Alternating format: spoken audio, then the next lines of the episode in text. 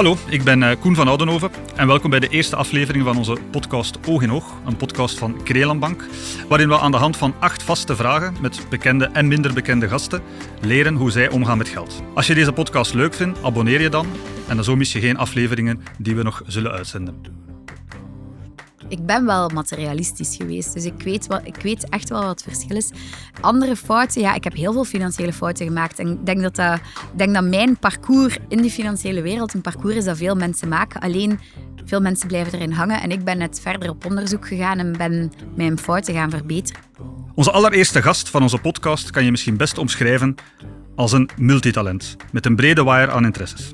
Niet alleen studeerde ze criminologie in Gent, maar daarnaast was ze ook de eerste vrouwelijke pro-gamer in België. Wat haar zelfs naar de Electronic Sports World Cup bracht, zeg maar het WK voor gamen. Na dat hoogtepunt verlegde ze de aandacht van het gamen naar poker en, net zoals bij het gamen, slaagde ze erin om de eerste vrouwelijke gesponsorde pokerspeelster te worden. En dat bracht haar naar toernooien in wereldsteden als Las Vegas, Londen en Madrid. In 2022 werd ze zelfs wereldkampioen online poker voor vrouwen. Daarnaast is ze een believer van het FIRE-principe. FIRE staat voor Financial Independence Retire Early. En ze richtte het platform Slim Sparen op, waar ze als finfluencer mensen allerhande tips geeft hoe ze met geld moeten omgaan. Haar missie, het taboe rond geld doorbreken en voor haarzelf financiële vrijheid bereiken voor haar veertigste. Ondertussen maakte ze ook haar opwachting in de populaire VTM-reeks De Verraders, waar ze zowel als bondgenoot en als verrader een van de opmerkelijkste deelnemers was van dit seizoen. En alsof dat allemaal nog niet genoeg is, schreef ze tussendoor nog een boek en werd ze mama van een dochtertje. Welkom, Charlotte van Brabander. Dag, hallo, dank u.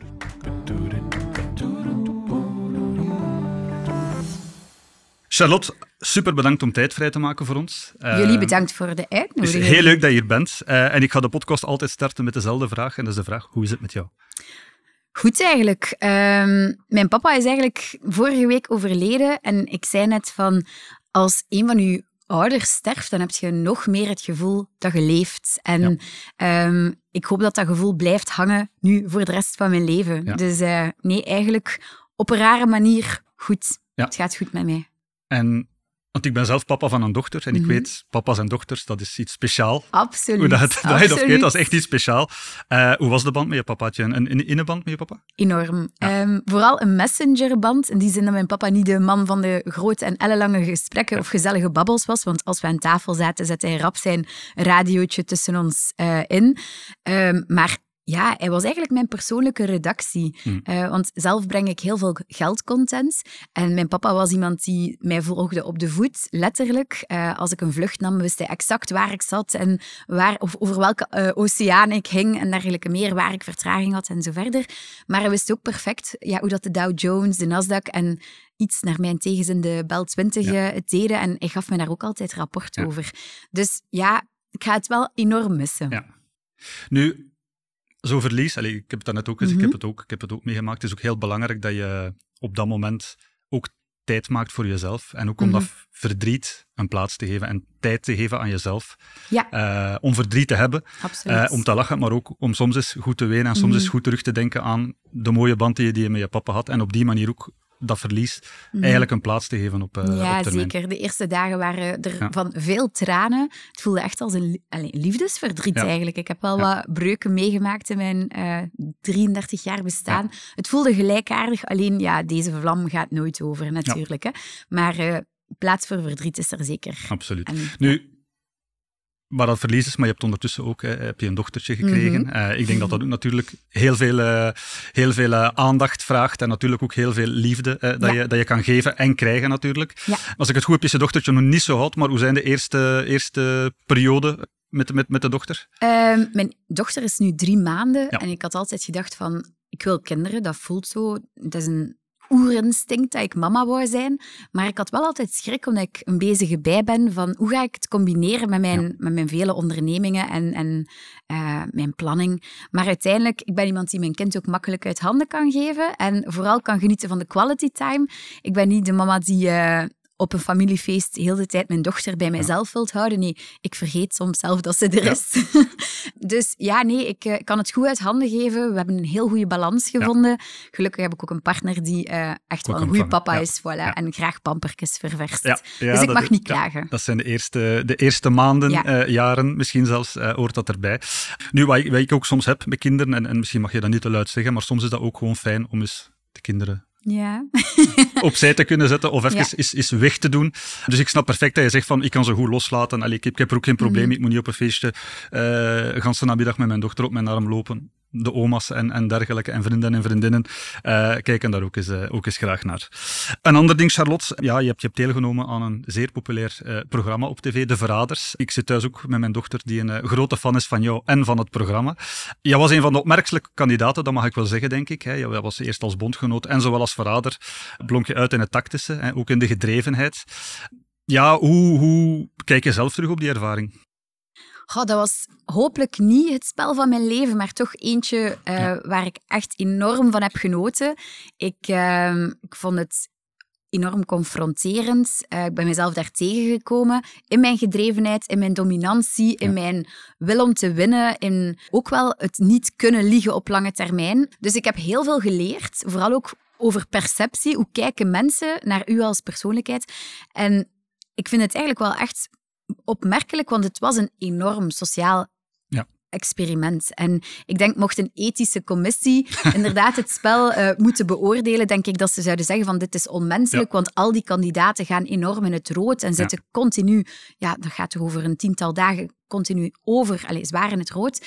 Maar uh, het was een ervaring waar ik meteen opnieuw ja, zou tegen zeggen. Uh, en ja, ja, meer kan ik er eigenlijk niet over zeggen. Ik vond het superleuk om te doen. Dat we gezien het leuk vond. Maar merk je nu ook, want ja, natuurlijk, ja, je was een van de opmerkelijke figuren. Hè. Mhm. Merk je nu ook als je op straat loopt of dergelijke, dat je sneller, mhm. ja, dat je, je bekendheid gestegen is, dat je sneller een keer wordt uh, aangesproken of, of dat ze denken, kijk Charlotte is daar. Of, of uh... Ja, zoals ik zei, mijn dochter is drie maanden. Ik heb wel een beetje in een bubbel geleefd. Nu, um, op weg naar hier in de Starbucks was de dame die mijn koffie zette, vroeg ze, en verrader. En uh, ook onlangs uh, was ik gaan, gaan bowlen met mijn metekindje en alle, een hele groep kindjes. hey, verrader! Dus ja, het, het valt wel op dat mensen mij herkennen op straat. En, ja. hoe, hoe, ga je daar zelf mee om? Vind je dat, eh, is dat nu nog op een niveau dat je zegt van, oh, dat is wel eens leuk? Ja, ik verschiet daar altijd van. Ja, ja. Want ik vroeg aan die mevrouw van de Starbucks, huh, wat blieft? ik was even zo, ja. moest even landen terug. maar nee, ja, ik vind dat helemaal oké. Ja. Is dat ook iets dat je een beetje naar, naar gestreefd hebt, zo naar dat bekend willen zijn misschien? Mhm. Eh, of is dat iets dat je zegt van, ja, dat is eigenlijk door het verleden wat, iets dat wat organisch gegroeid is. Hè. Je hebt mm pro-gamer geweest, hè, die uh, professioneel poker speelt. Bedoel, je hebt wel een bepaalde media-aandacht. Dus dat is, allee, hoe, hoe, dat ik het als buitenstander bekijk, van, dat is toch misschien wel wat organisch gegroeid. Maar ervaar jij dat ook zo? Of was dat echt zoiets van, ja, ik wil echt wel ik denk, bekend zijn? Ja, ik denk inderdaad dat mensen dat wel zouden kunnen denken. Dat dat een plan was of mhm. zo, om, om de way naar fame of zo te bekomen. Maar eigenlijk is dat inderdaad zeer organisch gegaan. Ik denk ik heb altijd dingen gedaan die opmerkelijk waren of zo op een bepaalde manier. Maar als gamer bijvoorbeeld, als jong meisje, goh, zette mij niet voor een camera. Mhm. Of ik werd knalrood en effectief. Um, er is ooit een telefax-reportage over mij gemaakt. De Vlaamse Lara Croft in de tijd dat ik zo die wereldkampioenschappen speelde.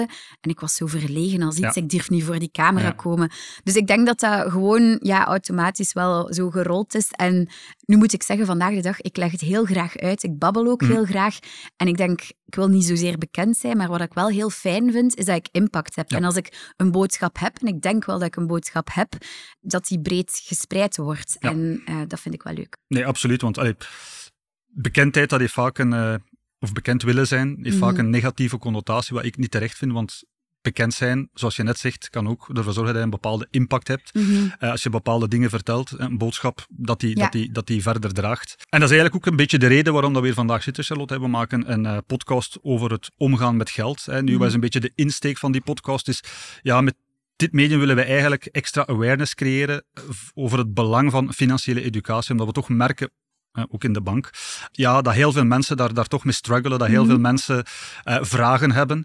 En eigenlijk is dit kanaal ja, een manier om daar aandacht voor, voor, te vragen en om mensen misschien bepaalde inzichten te geven. Hè. Ja. Dus het concept van, van vandaag, en dat is misschien even voor, uh, voor, voor de luisteraar, is dat we eigenlijk uh, ja, aan de hand van acht vaste vragen. Dus we gaan aan iedere gast die we in deze podcast hebben dezelfde vragen stellen. Mhm. Maakt het handig om het te vergelijken. Om op die manier eigenlijk inzicht te krijgen in hoe dat zij ehm, dus omgaan met, eh, met geld. En we hebben daarnet gezegd, Charlotte, time is money. Dus ik stel voor dat we overgaan naar onze eerste vraag. Shoot. Charlotte, hoe heb jij met geld leren omgaan? Heeft iemand daarbij geholpen? Is dat een beetje zelfstudie geweest? Mhm.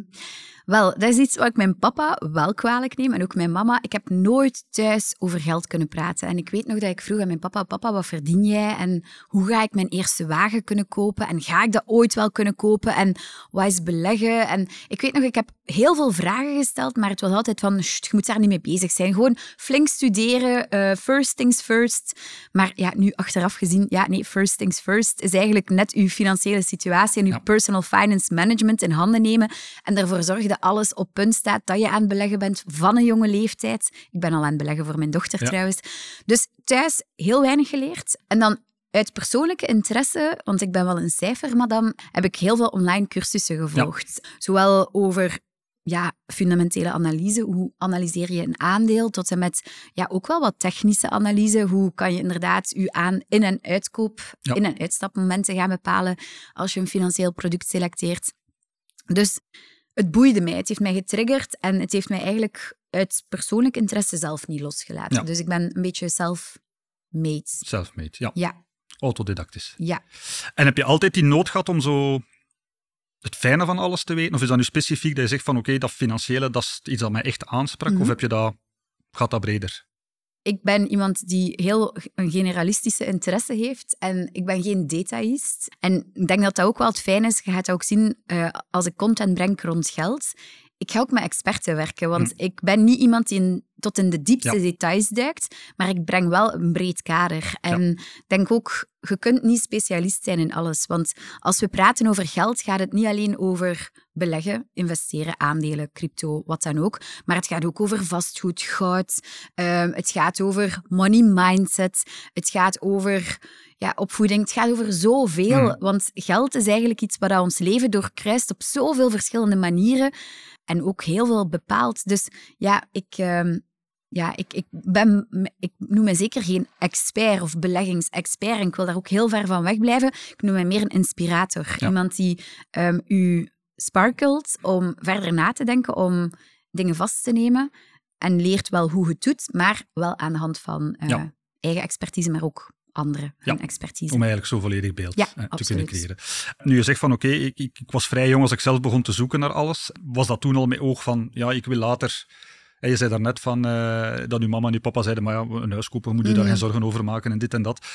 Was dat ook al met oog op dat hij al bezig was met, ja, en als ik later dan groot ben en ik moet een huis kopen of moet een wagen kopen? Of zit daar de kiem eigenlijk dan, dat je zegt van, dat was de reden waarom dat ik eigenlijk al van jongs Ja. af aan zelf... Wel, eh, als money mindset coach heb ik eigenlijk ook onderzoek gedaan naar verschillende geldtypes. En ik ben een heel angstig geldtype, waardoor ik eigenlijk al van jongs af aan het gevoel had van ik moet hier sparen, mijn rekening moet groeien. En ik weet nog, denk zelf vanaf elfjarige leeftijd dat ik een, een eh, dagboekje bijhield en op het einde van elke maand schreef ik zoveel geld wil ik op mijn spaar, spaarrekening hebben staan. Dus ik ging ook elke zondag gaan werken. Vanaf mijn 13 jaar stond ik al pannenkoeken te Ja. bakken. Ik verdiende 4 euro per uur. Dus dat, dat, dat spaargeld vermenigvuldigde zich heel traag. Ja. Maar toch, dat was zo voor mij een gevoel, een, een opvangnet van oké, ik zie dat hier groeien en ik vind dat belangrijk dat dat groeit. Dus ik ben altijd wel gefascineerd geweest door geld. Maar ehm, het was niet het idee van ik wil rijk zijn, omdat mijn ouders altijd wel mij een soort van limitatie hebben meegegeven van je wilt eigenlijk niet rijk zijn, want als je rijk bent, dan ga je grote zorgen hebben. Mijn mama zei ook altijd kleine kinderen, kleine zorgen, grote kinderen, voilà. Maar ook met geld, veel geld, veel zorgen. En rijke mensen, Charlotte, daar moet je niet jaloers op zijn, want die mensen maken zich zorgen. Tot ik eigenlijk dan ja, gezegd werd van pokerstars en de wereld mocht rondreizen. En in tegenstelling tot wat veel mensen denken, aan zo'n pokertafel zit je niet met de man en de sigaar aan tafel, maar wel met topadvocaten, topvoetballers, top eh, dokters, noem maar op. Eh, mensen die inderdaad eh, wel een intellect hebben om die denksport aan te gaan en ook het kapitaal hebben om er een hobby van te maken. En uiteraard ook enkele professionals die dan al die rijke papa's bij wijze van Afzetten. spreken afzetten, inderdaad. Maar heel interessante mensen vanuit verschillende vakgebieden. En wat ik daar vooral uit geleerd heb, is dat geld niet zozeer ongelukkig maakt of mensen stressvol maakt, maar inderdaad uh, net vrijheid creëert. En dat was een inzicht dat ik wel nodig had. En sindsdien heb ik wel ja, gewerkt aan mijn pad naar financiële vrijheid. Ja. Ja. Eigenlijk heb je uw relatie met geld bepaald. Ja, om dus absoluut.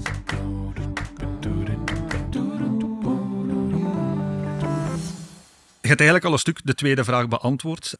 Ja, wanneer ze eigenlijk beginnen werken? Wat was uw eerste loon? Je hebt net mm. gezegd van, eh, ik, ik bakte pannenkoeken aan 4 euro eh, per uur.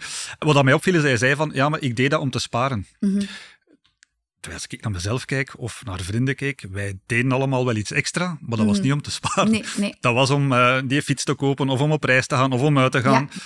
Had jij nooit dat, dat, die nood of, of dat, dat, dat, dat, ik wil daar iets mee doen? Nee, dat was echt zo mijn geldtype, mijn persoonlijkheid, dat ik een spaarder ben. En je hebt ook types die inderdaad geld verdienen om het dan direct uit te geven vanuit het motto ik ben het waard of je moet nu leven.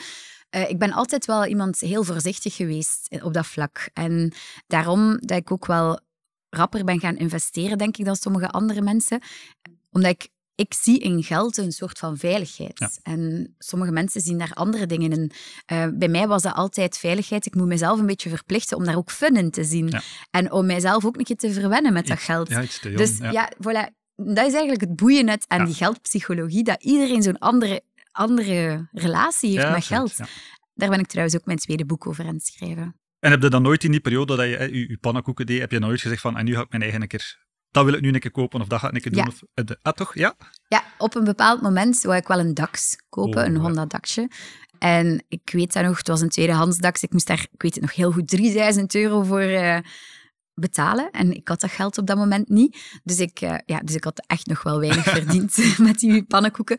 Dus ik weet nog dat er aan de binnenkant van onze kelderdeur hing er een blad. Want ik had geleend bij mijn ouders aan nul interest, gelukkig. Maar moest dat terugbetalen? Ja, ik moest dat flink terugbetalen. Ja. En ik weet nog, elke keer als ik dan cash aan mijn mama geef, dan mocht ik naar dat blaadje gaan, doorschrijven. En oh, ik vond dat zo leuk om met die cijfertjes bezig te zijn en zo snel mogelijk mijn lening aflossen. Terwijl vandaag de dag niet zozeer slecht om een lening te hebben. En als ik nu geweten had, had ik eigenlijk die renteloze lening heel mijn leven tot vandaag behouden en belegd met dat geld. Maar ja, heel boeiend natuurlijk om Nee, absoluut. En ook, allee, ik denk als, als, als, als jong meisje een goede leerschool, hè, want ja, that's life. Hè. Ik bedoel, ja. you work for it. Hè. En vooral een heel goede leerschool, omdat ik mij wel heel vaak heb vervloekt dat ik die DAX mm gekocht. Van, damn, hier moet ik toch wel heel lang voor werken. En is dat wel waard? Hè? Want dat was een vraag dat ik nog had. Bleek het achteraf een goede investering? Nee, absoluut niet. Die is ook verroest. Ik heb er niet zoveel kilometers mee gedaan. En uh, mijn mama en papa hebben ook heel vaak op mijn kop gezeten van Zeg Charlotte, dat was niet de bedoeling. Hè? dus uh, nee, nee, nee, dat was zeker geen, uh, geen goede investering. Maar ik hoop dat verhaal zeker ook later aan mijn dochter te kunnen vertellen. Ja, ja ik, ik ga over naar de derde vraag. Ik denk dat dat een beetje in uw geval een overbodige vraag is. Dat is, ja, ben je vaak bezig met geldzaken? Mm. Het antwoord... de vraag stellen is het antwoord geven, denk ik, bij jou. Ja, niet alleen echt bezig zijn, in de zin van mijn beleggingen beheersen, mhm. content maken voor slim sparen, maar ook mentaal. Want uh, dat is iets dat mij echt bezighoudt. Ik ben gepassioneerd door niet geld op zich. Ik wil niet per se rijk zijn om rijk te zijn, maar ik ben wel benieuwd naar geld. Is niet iets, geld is niet de euro's, de dollars, de, de cryptomunten, de wat dan ook. Nee, geld is iets psychologisch. En ja, daar ben ik ook heel erg getriggerd door, om geld meer te begrijpen. Wat doet dat met mensen?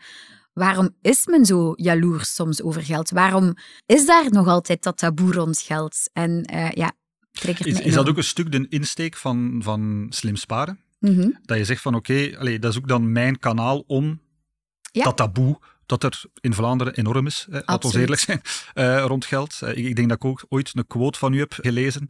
Uh, vraag dan mensen op straat hoeveel dat ze verdienen en ze, ze lopen weg. Ze gaan sneller antwoorden hoe vaak dat ze seks hebben. Ik denk dat, ja. dat iets in die of slag... Of favoriete seksfeestje voilà, ja, Dat iets in die slag gezegd hebt. ik, vond dat, mhm. ik vond dat een heel fantastische anekdote. Om, ik, ik zag het zo voor mij, ja. dat de reactie mm inderdaad zo gaat zijn, dat ze sneller gaan zeggen van, ja, wij doen het op die manier, maar dat ze mhm. minder snel over hun geld gaan willen praten. Ja, want als ik u vraag, hoeveel verdien jij? Je gaat daar een beetje op hakkelen en je gaat welke vragen gaat u zelf beginnen stellen van, als ik dit nu vertel, wat gaat dat dan voor reactie geven bij mijn vrienden, bij mijn collega's? Bij...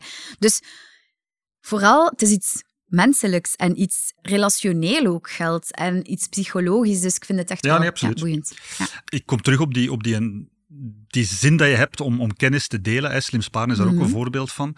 Ja, dat is, dat is precies een constante, denk ik, die, die, die bij jou terugkomt. Dat je zegt van, oké, ik ben met iets bezig, ik bijt me vast in iets. Mhm. Ik verdiep mij daarin, ik verlies mijzelf daar misschien Ja. soms in. Mhm. Maar dat je dan ook nadien de nood hebt van, oké, en nu wil ik wel ja, die kennis die ik heb, delen met mensen. Mhm. Is dat iets dat je altijd toch wel wat gehad hebt? Of is dat nu specifiek omdat je hier echt jezelf, je eigen kwijt kan? Ja, nee, eigenlijk totaal niet, want ik heb nooit mensen leren gamen, ik heb nooit mensen leren Hm. pokeren, ik heb ook nooit mensen meegenomen in mijn interesse in criminologie of wat dan ook. Wat dat vooral is, ik vind dat er een heel grote kennisgap is op vlak van Ja. geld. En ik ben wel iemand die mensen graag helpt en mensen vooruit helpt en mensen hun leven verandert in de positieve zin. Hm. En ik heb mijn topic gevonden waar ik echt Ja. impact in kan hebben. En daarom dat ik dat met heel veel plezier doe. Want ja, ik ga ook eerlijk zeggen, ik heb daar twee jaar geleden ben ik met Slim Sparen, nee, ongeveer tweeënhalf jaar geleden denk ik ondertussen, ben ik met Slim Sparen gestart vanuit een intrinsieke motivatie om de wereld te verbeteren, om mensen hun leven te verbeteren. Ik verdiende daar geen euro aan. En gelukkig kreeg ik heel veel appreciatie en, en mensen die inderdaad zeiden van oh, door u ben ik beginnen beleggen en dank u, want door u gaat mijn dochter een spaarpot hebben. Ja. En ja, dat heeft mij eigenlijk laten blijven gaan. En vandaag de dag begint dat zijn vruchten uiteraard wel af te werpen. Ik zou nooit inderdaad, en dat is wel zo, als, als je er niet voor betaald wordt of je krijgt er niets voor terug, dan is het heel moeilijk om iets vol Ja. te houden. Zeker Ja. Zeker als je weet hoeveel tijd dat ik eraan spendeer. Dus het is wel leuk dat het ja, toch iets verdient en dat ik er ja, een, een beroep van kan maken. Ja, absoluut. Ja, je bent ondertussen ook eh, finfluencer, hè, zoals dat heet. Hè. Je Mhm. maakt ook veel content, je hebt het daarnet gezegd. Eh, ik ga er één dingetje uitpikken, je weet misschien al wat dat gaat zijn. Hè. Dat was eh, om maar aan te tonen dat een titel heel veel teweeg kan brengen, terwijl als je het artikel leest, ja, dat het toch wel wat genuanceerder is. Hè. Maar je hebt ooit een artikel geschreven, mijn dochter wordt een miljonair. Ja, Hè, de titel was bij mij ook van, huh? Dan lees je het artikel en dan is dat echt een gewoon genuanceerd verhaal. Mhm. Maar ik kan me voorstellen dat heel veel mensen die, het, ja, die gewoon een titel lezen, die denken van, pff, wat zegt die? ja. of uit de, allee, uit de Ja, hoogte gevallen, voilà, wie, ja. wie is wel... Ja. Nee, uiteraard. En ik probeer wel mensen soms te chockeren ook, omdat een shock-effect kan er net voor zorgen dat je gefascineerd raakt. En ja, die shock of trauma of wat dan ook, kan voor gedragsverandering zorgen. Als ik een saaie titel had gekozen, dan hadden Mhm. mensen dat niet verder gelezen. Maar als we kijken, gewoon mathematisch gezien, zal waarschijnlijk binnen 20, 30, 40, 50 jaar zullen heel veel mensen miljonair zijn ehm, door de geldverruiming die er Mhm. op vandaag de dag is. En door inderdaad de inflatie die ehm, ja, gewoon ervoor zorgt dat mensen meer geld nodig hebben Ja. om dezelfde koopkracht te kunnen behouden. Dus ja, het is niet zo'n straffe uitspraak. Ik zou eigenlijk moeten zeggen, hebben we een miljardair, Ja. maar dat zal waarschijnlijk een moeilijke worden. Maar het zal, ze zal Ja. multimiljonair hopelijk worden als ik... eh, Alleszins als ik verder zet met, Ja. met wat ik begonnen ben. Nee, inderdaad. En terechte opmerking wat dat, wat dat inflatie betreft. Een verhaal dat Mhm. heel veel mensen, denk ik, zich niet bewust van zijn, Voilà. eh, is de rol van inflatie op, eh, op hun geld. Eh, Exact. En dat is ja, een boodschap die ook wij ja, Mhm. veel brengen Ja. en die we gaan blijven herhalen, want het is een ongelooflijk belangrijke boodschap. Geef jij graag geld uit? En zo ja, aan wat? En aan wat niet? Vroeger, toen ik niet met geld bezig was of minder met geld bezig was eh, en de kracht van samengestelde interest nog niet helemaal door had of Achtste besefte, wereldwonder. Ja. achtste wereldwonder. Toen gaf ik inderdaad makkelijk geld uit. En toen, eh, desondanks ik wel wou dat mijn balans groeide en mijn nettowaarde groeide en dat ik goed aan het sparen was, was ik wel iemand die Ja. elk weekend een keer even langs de Zara ging. nu, vandaag de dag is dat helemaal veranderd, omdat ik weet... En mijn leven is effectief veel gelukkiger geworden sinds dat ik besef dat materialistische zaken mij niet brengen waar Mhm. ik wil zijn. Voilà, inderdaad. En vroeger dacht ik, ja, ik moet er elke dag goed uitzien, outfits zijn belangrijk. Vandaag de dag heb ik, ik moet mij vooral goed voelen en ik Mhm. moet alles uit mijn leven halen. En dat is, dat is niet eh, een chique jas kunnen kopen Mhm. of mooie schoenen. Of, nee, voor mij is dat kunnen doen wat ik graag wil en vooral mijn dagindeling zelf kunnen bepalen. Aan wat werk ik, wanneer werk ik, hoe werk ik, waar werk ik. Ja, wat doe ik? Hoeveel tijd spendeer ik met mijn dochter? Doe ik mijn afwas zelf of niet? Mhm. Dus al die dingen komt eigenlijk allemaal neer op zelf financiële vrijheid bekomen om dan zelf te kunnen uw, uw, uw keuzes maken. En zonder geld kunnen we die keuzes moeilijk maken, want dan zit je vaak in een 9 to 6 of 9 to 5. Ja, heb je vaak ja, niet de middelen om, Mhm. om die keuzes te maken. Dus ik geef graag geld uit, vooral aan vrijheid creëren voor mij op lange termijn. Maar En wat ik ook al aangaf, ik ben een type die vrij angstig is rond geld, dus die alleen maar zou willen cumuleren. Maar daarom dat ik voor mezelf wel wat regeltjes heb dat ik wel geld moet kunnen Mhm. uitgeven. Dus voor dat te kunnen doen, ben ik echt op zoek moeten gaan naar wie ben ik en waar word ik echt gelukkig van. En waar word ik echt gelukkig van, dat is ehm, het moment dat ik na een lange werkweek of na een lange werkmaand, maanden, in een luchthaven kom. Dat gevoel van, oh, ik kan hier zoiets vliegen, ik voel mij vrij. Dat geeft mij zo een ultiem vrijheidsgevoel. Ja. Dan zit ik een koffietje te drinken, kijk ik naar mensen rond mij, dan stel ik mij de vraag van, wat is uw verhaal? Mhm. Naar waar ga jij? Van waar komt jij? Wie gaat je gaan ontmoeten? Mhm. Dus ik vind het super boeiend om te beseffen dat ik een heel klein miertje ben op een heel grote planeet en dat ik kan gaan en staan waar dat ik wil. En dat is voor mij veel geld waard. En dat kunnen reizen dus, maar ook eten. Ja. Maar dat eten is ja, gewoon omdat ik graag eet. Maar daar zit niet zo'n filosofie achter. dat is eh, instant, eh, ja, dat is een klein geluk. Ja, dus eigenlijk eh, zeg je van aan, aan pakweg een ervaring, een reis, Mhm. daar kan ik zeker mijn geld aan geven. Ja, heb je zo'n ervaring dat je zegt van, was nu echt, dat had nooit vergeten? Ja, ik heb de duurste reis die ik ooit gemaakt heb, was een safari naar Tanzania. En ik was er misselijk van het moment dat ik ze moest betalen. Maar ehm, ja, de ervaring daar, ik denk er nog heel vaak Ja. aan. Dat heeft mij niet alleen... Ja, dat heeft mij echt opnieuw het gevoel gegeven Ja. van geleefd. En ook, ik heb daar tranen gelaten. De, de mensen die ik daar heb leren kennen, de dieren die ik heb leren kennen, die ik van zo dichtbij heb Ja. gezien. Ja, dat zijn beelden die, die ik denk op mijn sterfbed zeker Die eh, gaat ga vergeten. Nou, dat zijn ervaringen. Inderdaad, ja. Ja, je zei ook eten. Hè? Is dat dan, bedoel je dan in de zin van, ik ga naar de supermarkt en ik koop waar ik zin in heb? Of is dat dan gaan eten en goed gaan eten? Mhm. Ik kook super graag als ik er tijd voor heb. En de laatste jaren heb ik weinig tijd. dus ik heb eh, heel veel andere prioriteiten. Dus als ik geld uitgeef aan eten, is het niet, ja, niet zozeer in de supermarkt, maar eerder een keer goed gaan eten. Ja. En ik heb dan ook wel echt het. Ik ben dan ook wel iemand die niet gierig is, omdat ik besef wat de personeelskost is van, van horecapersoneel. Maar ook als je bijvoorbeeld naar een sterrenrestaurant gaat, dat gebeurt niet vaak voor alle Mhm. duidelijkheid. Maar als ik daar zit en je ziet daar een keuken met tien man staan en je doet de berekening van foodkost, want ik weet wat het kost om naar de winkel te gaan. Oké, dan betaalt je veel geld, maar ja, ik, ik, ik heb wel heel veel respect voor, voor de job die mensen daar doen. Ja. En ik vind het maar heel normaal dat je dan veel geld betaalt. Dus Nee, in sommige restaurantjes kan je een lunch gaan eten, waarbij dat ik denk, ik zou het niet voor dit geld zelf kunnen maken. Dus, maar goed gaan eten en duur gaan eten. Pas op, duur hoeft niet altijd goed te zijn en omgekeerd.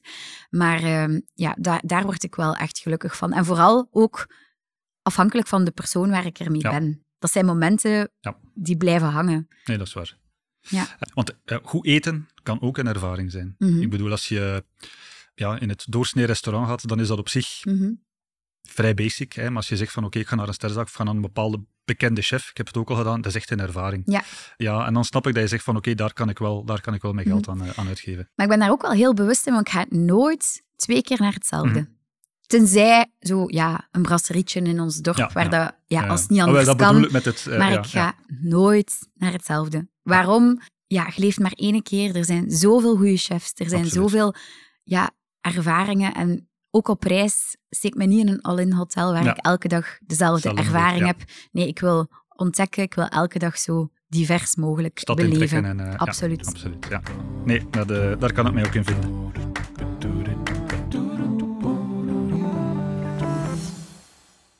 De volgende vraag, Charlotte. We hebben het net al gehad hè, over uw eh, ja, stijgende bekendheid, mogen we zeggen. Eh, hoe ga je zelf om ja, met de druk verwachtingen ja, van de publieke opinie? Daaromtrent, hè, als het gaat over uw uitgaven, over dat je geld eh, spendeert. Ja, als mensen mij volgen op Instagram, zeker mijn privé-Instagram, Charlotte van Brabander, dan zullen ze zien dat ik veel reis. Dus voor sommigen zal dat wel vraagtekens oproepen van, huh, die is toch slim aan het sparen en hoezo slim reizen. Maar ik heb niet het gevoel dat ik mij moet verantwoorden. Ik leef mijn leven. Ik, eh, ja, ik, ik, ik trek me dat eigenlijk persoonlijk niet echt aan. Ik vind het gewoon belangrijk dat iedereen voor zichzelf op zoek gaat naar ja, wat is uw ultiem Mhm. geluk en hoe kost dat, hoeveel kost dat en hoe past dat in uw leven en kunt je dat verantwoorden? Ik kan dat verantwoorden, ik werk ook heel hard, dus ja, ik, ik verantwoord eigenlijk gewoon niets. En wat ik wel weet, is dat ik sowieso een po- polariserend figuur ben. Ik zit er minder mee in als mensen mij niet graag hebben. Ja, en ik denk dat dat, sinds ik dat kan doen, dat dat eigenlijk mij een gelukkiger persoon heeft Mhm. gemaakt. Want vroeger wou ik iedereen pleasen, wou ik Ja. graag gezien worden door iedereen. En nu heb ik iets van, nee, ik wil... Ja, mij maakt het niet uit als ik haters of lovers heb. Ik, eh, het maakt je leven effectief wel makkelijker als je gewoon ja, bent wie je kan zijn. En, Ja, absoluut. Ja. En ik denk, je gaat altijd tegenstanders hebben, je gaat altijd Mhm. voorstanders hebben. En ik denk ook Mhm. naarmate dat je bekendheid stijgt, wordt dat gewoon, komt dat beter in beeld, komt dat meer in beeld. Ik denk als je reacties op Instagram of gelijk waar Mhm. leest, dat er meer negatieve zullen tussenstaan dan, dan een jaar geleden waarschijnlijk. Ja. Maar ik denk dat dat ook een stukje Vlaanderen is. Als je hoofd een beetje boven dat maaiveld komt, dan wordt dat al een keer snel, eh, snel op, eh, op, op, opgekapt, laat ons maar zeggen. Heb jij in het verleden financiële fouten gemaakt, waarvan je denkt van, dat had ik niet moeten doen, en, en wat heb je daar dan van geleerd? Die DAX bijvoorbeeld kopen. Ja. Ook mijn eerste auto kopen. Dat was echt, ik heb een job aangenomen gewoon omdat ik wist dat daar geen auto, Ah, geen geen auto, geen auto, in het Ah. pakket zat. Ja. En ik wou een Mini Cooper, dus Ah, ik ben wel materialistisch geweest. Dus Ja. ik, weet wel, ik weet echt wel wat het verschil is. Andere fouten, ja, ik heb heel veel financiële fouten gemaakt. En ik denk dat, dat, ik denk dat mijn parcours in die financiële wereld een parcours is dat veel mensen maken. Mhm. Alleen veel mensen blijven erin hangen. En ik ben net verder op onderzoek gegaan en ben mijn fouten gaan verbeteren. Maar bijvoorbeeld het selecteren van aandelen zonder research te doen. Ik heb nog altijd een paar aandelen in portefeuille zitten die ik roekeloos heb gekocht. Op basis van artikels die ik had gelezen in de tijd. Zelf, ja, toen ik samen zat met mijn bankadviseur, zoveel jaar geleden, nu beleg ik vooral zelf. Eh, maar toen ik vroeger via mijn bank belegde, ja, ik kocht aandelen op niet op aanraden van, want die mochten Mhm. mij geen aandelen nee. aanbevelen. Ja. Maar die zei wel van, kijk, dat is ons aanbod, kies maar. Ja. En dat was de eerste meeting bij de bank, had ik direct vijf aandelen geselecteerd, maar ik wist niet, bijvoorbeeld een AT&T. Wat doet AT&T? Vraag het mij niet. Ik wist het niet. Eh, ik kocht dat gewoon omdat dat um, toen mooi dividend had. Dat zijn dingen die ik vandaag de dag niet meer zou Mhm. doen.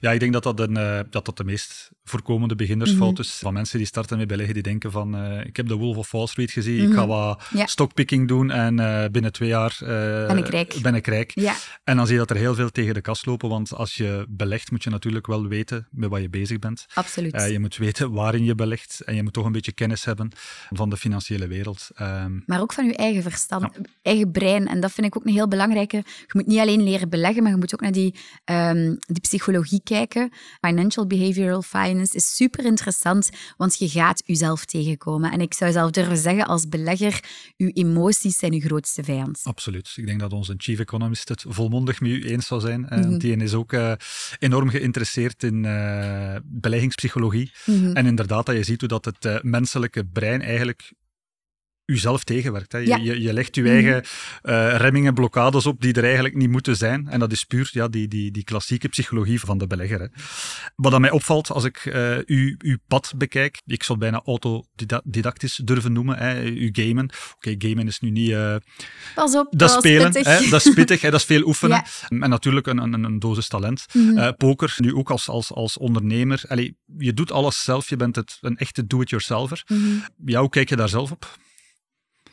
Ja, ik, ik vind bijvoorbeeld vroeger ook tijdens mijn masters, ik zat in de les en ik kon, ik kon me niet focussen. Ik, ik heb een heel korte of ja, eh, focusspannen, waardoor ik altijd afgeleid was. Dus Hm. ik ging heel zelden naar de les. Ik vond dat verschrikkelijk. Ik, eh, leer, ik, ik verlies mijzelf graag in topics en in thema's op mijn eigen tempo. En dan was dat ook vaak s'nachts in het midden van de nacht en niet in die, tijdens die klassieke lesuren. Eigenlijk een van de mooie levenswijsheden die ik ook volg, is als je interesse hebt voor iets, volg dat. En dat wil zeggen dat, dat als je interesse voelt voor iets, ligt dat vaak in, in het verlengde Hmm. van je talent. Dus Ja. laat u daardoor leiden, verlies u daarin. Als je u geïnteresseerd voelt door iets, laat u echt, Hmm. verlies u daarin, want dat brengt u op een mooie plaats. En ik denk dat dat zo een beetje wel typeert mijn carrière of mijn leven. Ik heb mij verloren in dat gamen, dat heeft mij op een mooie plaats gebracht. Ik heb mij verloren in poker, dat heeft mij Ja. absoluut veel geleerd. En nu ook bij dat beleggen, bij, de- bij het inspireren, zeg maar. En ik hoop dat er nog heel veel interesses op mijn pad mogen komen en eh, dat ik nog heel veel mooie Ja. plaatsen bereik. Nee, het is zo, als je, als je een eh, interesse hebt, allee, is het ook heel makkelijk om je, Mhm. om je ergens in te, in te Mhm. verliezen. Allee, ik kan dat eh, voor mezelf ook, eh, ook zeggen.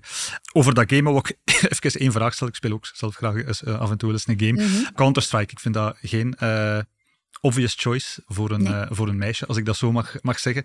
Hoe ben je bij dat spel uitgekomen? Counter-Strike is eigenlijk een schietspel, inderdaad, waardoor dat je denkt van waarom zou een vrouw dat spelen? Maar het is een teamspel. Je speelt met een team van vijf tegen vijf en het is heel tactisch. Ik weet nog, als wij ja, een 2K speelden, we hadden echt zo een tactic map Mhm. met inderdaad een vijftigtal eh, tactieken van... En ook gewoon, je moet je heel hard kunnen aanpassen. Dus als de ene speler of het ene team doet dit, dan moet je daar een andere tactiek... Of ja, je moet je continu Ja. aanpassen. Dat vond ik wel heel boeiend. Het is ook heel, zeer psychologisch, net zoals tennis. Als je een vorige match hebt verloren, dan is de kans veel groter dat de volgende Ja. ook gaat verloren worden. Dus het is heel boeiend, heel psychologisch. Maar er zat ook een geldaspect in. Want als je een, een, een ronde won, Ja. dan had je de ronde nadien ook meer cash. En dan, eh, dat was ook wel iets wat van mijn sterktes, waarbij dat we dan konden bepalen, oké, welke wapens gaan we kopen, Ja. eh, welke armor. En dat berekenen. Eigenlijk, ik was zo'n beetje de boekhouder Ja. van het team die zei van, oké, nu gaan we een ronde niets uitgeven. Want anders zijn we deze ronde eh, weer, hebben we volgende Zoveel ronde kwijt, weer maar halve wapens. Dus het was een heel een spel met veel facetten, veel insteken. En ja, dat heeft mij bij poker ook getriggerd. Ja. Het, is, het is een spel, it takes a minute to learn, but a lifetime to Ja. master. Bij poker Ja. is dat ook zo, bij beleggen is dat ook zo. Ja. Dus ik hou wel van, ja, Ik onthoud strategie en cijfers. ja en, en, en nooit, genoeg in, no- nooit goed genoeg in iets kunnen zijn. Ja, oké. Super interessant. We zitten al aan de voorlaatste vraag trouwens, dus het gaat, eh, het gaat vooruit. Ja, ook weer een, een vraag. De vraag stellen is te beantwoorden in jouw geval. Maar heb je ervaring met beleggen? En ja, is dat positief of is dat negatief, je ervaring? Ja, in alle eerlijkheid, ik heb twee ervaringen met beleggen. Beleggen bij de bank, waar ik alles uit handen gaf. Dat gaf Mhm. een euforisch gevoel, want plots, na u, nadat je je geld hebt geparkeerd, dan voelt je je verbonden met de wereld en heb je het gevoel van, oké, ik ben niet meer alleen voor mijn geld aan het werken. Maar ik heb ook een andere ervaring, zelf leren beleggen, die voor mij nog beter is, omdat Ja. dat nog kostenoptimaler is. Ja. Maar natuurlijk, voor iedereen is het de keuze, wil je geld uit handen geven of doe je het zelf? En mijn missie van Slim Sparen is ook wel een beetje om mensen bewust te maken dat het slim is om zelf te beleggen, dat het ook voldoening kan geven, dat het u empowert, sterker maakt, meer vertrouwen geeft. Ja. Ehm, ja. Nee, oké. Ja, waarom zouden mensen moeten beleggen, volgens jou? Omdat sparen demotiverend is. Met sparen kom je er gewoon vandaag de dag niet, omwille van inflatie waar we het al over hadden. Maar er zijn eigenlijk veel meer redenen om te beleggen. Eerst en vooral je pensioenopbouw. Als je gewoon op pensioen gaat eh, en je hebt bijvoorbeeld een groepsverzekering via je werk. AG Insurance heeft daar ooit een eh, studie rond gedaan. Mensen die inderdaad een groepsverzekering hebben en uiteraard gewoon het wettelijk pensioen, die hebben nog altijd de dag dat ze met pensioen gaan 30% minder inkomen. Ja. En veel mensen denken van oké, ik ga op pensioen, dan heb ik mijn leven vrij en dan kan ik reizen. En dan worden ze geconfronteerd met toch wel die financiële beperking die er dan is. Dus we moeten beleggen. Er is geen alternatief. Je moet beleggen. Uiteraard, ik zeg niet dat dat voor iedereen haalbaar is, maar ik ben er toch van overtuigd dat, dat, dat het voor meer mensen haalbaar Mhm. is dan dat ze zelf beseffen. Ja, inderdaad. Ik denk inderdaad ook dat er meer mensen kunnen beleggen dan dat er vandaag Ja. eh, beleggen, absoluut. We hebben dat net ook al kort aangehaald. Het is natuurlijk niet voor iedereen zo toegankelijk. Niet iedereen heeft de tijd om er eh, zich in te verdiepen. Niet iedereen heeft de zin om er zich in te verdiepen. Is het dan voor die mensen interessant om, ja, laat u begeleiden. Hè. Ga naar de bank, ga naar iemand zoals jou die advies geeft, die mensen begeleidt, die mensen tips geeft. Dat is dan denk ik wel the next way to go als je zegt van, ik doe het niet zelf. Ja, en daar vind ik ook wel dat er een misconceptie heerst dat je heel veel tijd nodig hebt om zelf te beleggen of dat je heel ja, zelfdidactisch of zo moet zijn. Mhm. Dat is ook niet het geval, want er bestaan ook makkelijke beleggersproducten. Maar natuurlijk, je hebt altijd wel een tussenpersoon nodig, een bank of een broker, om Ja. aandelen mee te gaan kopen of ETF's mee te gaan kopen. Dus ja, je gaat wel een ja, je kan niet zelf naar de beurs van Brussel of naar de Nasdaq Nee. gaan om daar iets te gaan aankopen. Maar ja, ik zou zeggen, ik, ik persoonlijk, ik zou altijd zelf beleggen, behalve mocht ik echt gigantisch veel kapitaal hebben. Waarom? Omdat ja, dan, als je dan een fout maakt, dan zijn die fouten ook wel Mhm. veel duurder. Ja. En ook bij private banking heb je vaak ook lagere tarieven dan de... Alleen, Ja, vanaf een miljoen, denk ik. Ik weet niet bij Ja. welke bank is uiteraard. Anders heb je inderdaad die 1% beheerstaks, eh beheerskost bedoel ik, waardoor dat wel interessanter wordt Mhm. om te gaan kijken of je je geld ergens anders kan gaan parkeren. Maar toch, ik ben wel zelf vandaag de dag vooral fan van zelf beleggen. Oké, dank u. We zitten aan de laatste vraag, Charlotte. Ik ga met een clichévraag eindigen. Mhm. Maakt geld gelukkig? tot op een bepaald niveau. Maar ik denk dat veel mensen denken, of hebben een, veel mensen hebben een cijfer in hun hoofd van bijvoorbeeld ik met mijn miljoen, met mijn dochter. dat is niet een punt dat je gelukkig gaat maken. Nee, uh, voor iedereen is dat anders. Ik denk dat vrijheid gelukkig maakt en je moet berekenen wat kost vrijheid voor uw situatie. Ja. Voor sommige mensen gaat dat misschien 400.000 euro zijn dat ze belegd hebben. Voor mensen die heel graag werken, hun job super graag doen en, en daar hun vrijheid in vinden, gaat misschien 0 euro op een beleggersrekening voor ja. Ultiem geluk zorgen. Dus ja, maakt geld gelukkig. Onderzoek wat dat betekent voor u om vrij te zijn. Ik denk dat vrijheid gelukkig maakt. Maar wat kost vrijheid? Ik denk dat dat een oefening is die iedereen individueel moet maken. Ja. ja, ik denk dat dat een hele mooie is om af te sluiten. Financiële vrijheid is voor iedereen ja. anders. Super bedankt voor je input, uh, Charlotte. Ik denk dat onze luisteraars toch wel enkele interessante inzichten uh, hieruit kunnen halen. Nu, voordat ik u laat gaan, wil ik uh, nog eventjes terugkomen ja, op het mooie parcours dat je, al, dat je ondertussen al, al, al hebt afgelegd. Hè. ik ga het nog eens herhalen. Eerste vrouwelijke pro-gamer, eerste vrouwelijke gesponsorde pokerspeelster, succesvol ondernemen. Je hebt een boek geschreven, tweede boek is onderweg. Het lijkt wel in, alsof dat je in alles dat je doet, dat je succesvol bent. Wat is je geheim? Ik was aan het denken, zijn er dingen die ik gedaan heb waar ik niet succesvol in ben. En absoluut, die zijn er ook. Die zijn dan minder bekend. Maar ik heb bijvoorbeeld als gamer een blog gehad over voeding. Geek to Fit noemde dat. Dat helemaal geen lezers. Dus ik heb ook wel mijn mislukkelingen. Maar mijn succes is gewoon, en ik denk dat dat echt wel een levensles is die iedereen moet meenemen. Volg uw interesses en mm. laat het te vrije loop. Maar daarvoor heb je natuurlijk tijd nodig. En tijd is geld. En geld heb je nodig om tijd te kopen. Dus voilà. Het komt neer op financiële vrijheid. Ja, absoluut. De cirkel is rond. Nu, sta je daar soms bij stil zelf? Dat je zegt dat je even een moment terugpakt en je zegt van wauw, ik heb toch al een mooi parcours af. Nee, eigenlijk niet. Te weinig, of niet? Ja, niets. Ja. Um, besef dat niet. Ik denk altijd aan de next thing. En ik nu ook, ja, ik heb nu met Slim Sparen 30.000 volgers op Instagram. En ik denk, oh, nog maar 30.000, ik wil naar de 100. En het is altijd mm de next step. En ik moet daar inderdaad wel meer bewust van zijn dat, dat ik toch al veel bereikt heb. En, ik, eh, ja, absoluut. Maar ik wil ook nog... Ik voel mij ook nog klein. Ik heb het gevoel dat ik misschien nog meer kan bereiken. Dus ja... En ik voel mij ook vaak onzeker. Dus het is niet zo dat ja, succesvol in iets zijn, dat dat automatisch gelinkt gaat met trots zijn op jezelf. Mhm. Of, nee, dat absoluut nog niet. Maar stap per stap. Maar af en toe stilstaan bij je verwezenlijkingen. zal dat, uh, dat, mag, dat mag zeker. Is er eentje waar dat je het meeste trots op bent? Dat je zegt van, van alles wat je al verwezenlijk hebt, privé, professioneel, whatever. Mijn dochtertje. Ja. Dat, het antwoord dat ik verwacht had. Ja, toch wel. Ja, absoluut. Dat is iets speciaals. Absoluut. Ja, dat, ja, overstijgt, dat was bij mij ook, dat overstijgt alles. Absoluut. Ja. ja. Oké, top. What's next, Charlotte? Wat brengt de, de toekomst? Ik ben met van alles bezig. Natuurlijk, ik kan niet zeggen of ze gaan lukken of niet, want ik heb wel wat externe partners nodig. Maar ik ben ook aan het denken aan programma's, eh, podcasts. Een tweede boek is wel onderweg, dat kan ik wel al vertellen.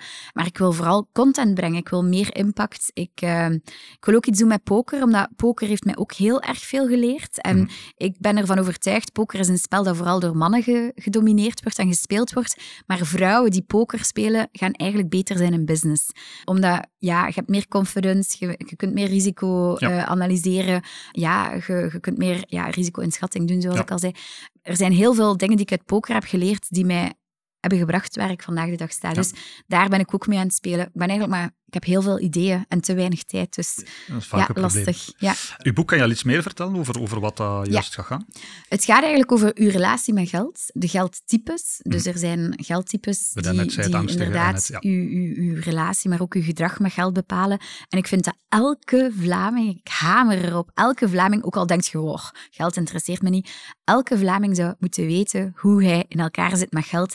Want als je dat boek gaat lezen, gaan je ogen open gaan en ga je begrijpen waar waarom dat je sommige dingen frustrerend vindt bij mensen rondom je, of bij jezelf, of waarom dat je wakker ligt over geld, of net helemaal niet, of waarom dat je net heel makkelijk geld uitgeeft, of net helemaal niet. Dus jezelf leren kennen met, met betrekking tot een aspect in ons leven waar we niet over kunnen kiezen. Het bestaat. We leven nu eenmaal in een maatschappij waar geld ons leven domineert en vooral het spel bepaalt. Ja, om te weten wat je relatie daartoe is, dat is denk ik cruciaal. Ik kijk er echt naar uit. Uh, Charlotte, ik wil jou nog eens super hartelijk bedanken voor uw komst. Het was, het was heel leuk en uh, nog super veel succes in wat je in de toekomst ook nog allemaal zal en mag ondernemen. Super bedankt. Dat was de eerste aflevering van onze podcastreeks Oog in Oog, eh, waar we dus met bekende en minder bekende gasten spreken over hoe zij omgaan met geld. Wil je meer horen? Abonneer je dan op deze podcast of neem een kijkje op onze website www.kreeland.be slash geldwijs om ook onze andere podcasts te ontdekken. En volgende keer zijn we weer met een nieuwe gast, dus tot de volgende.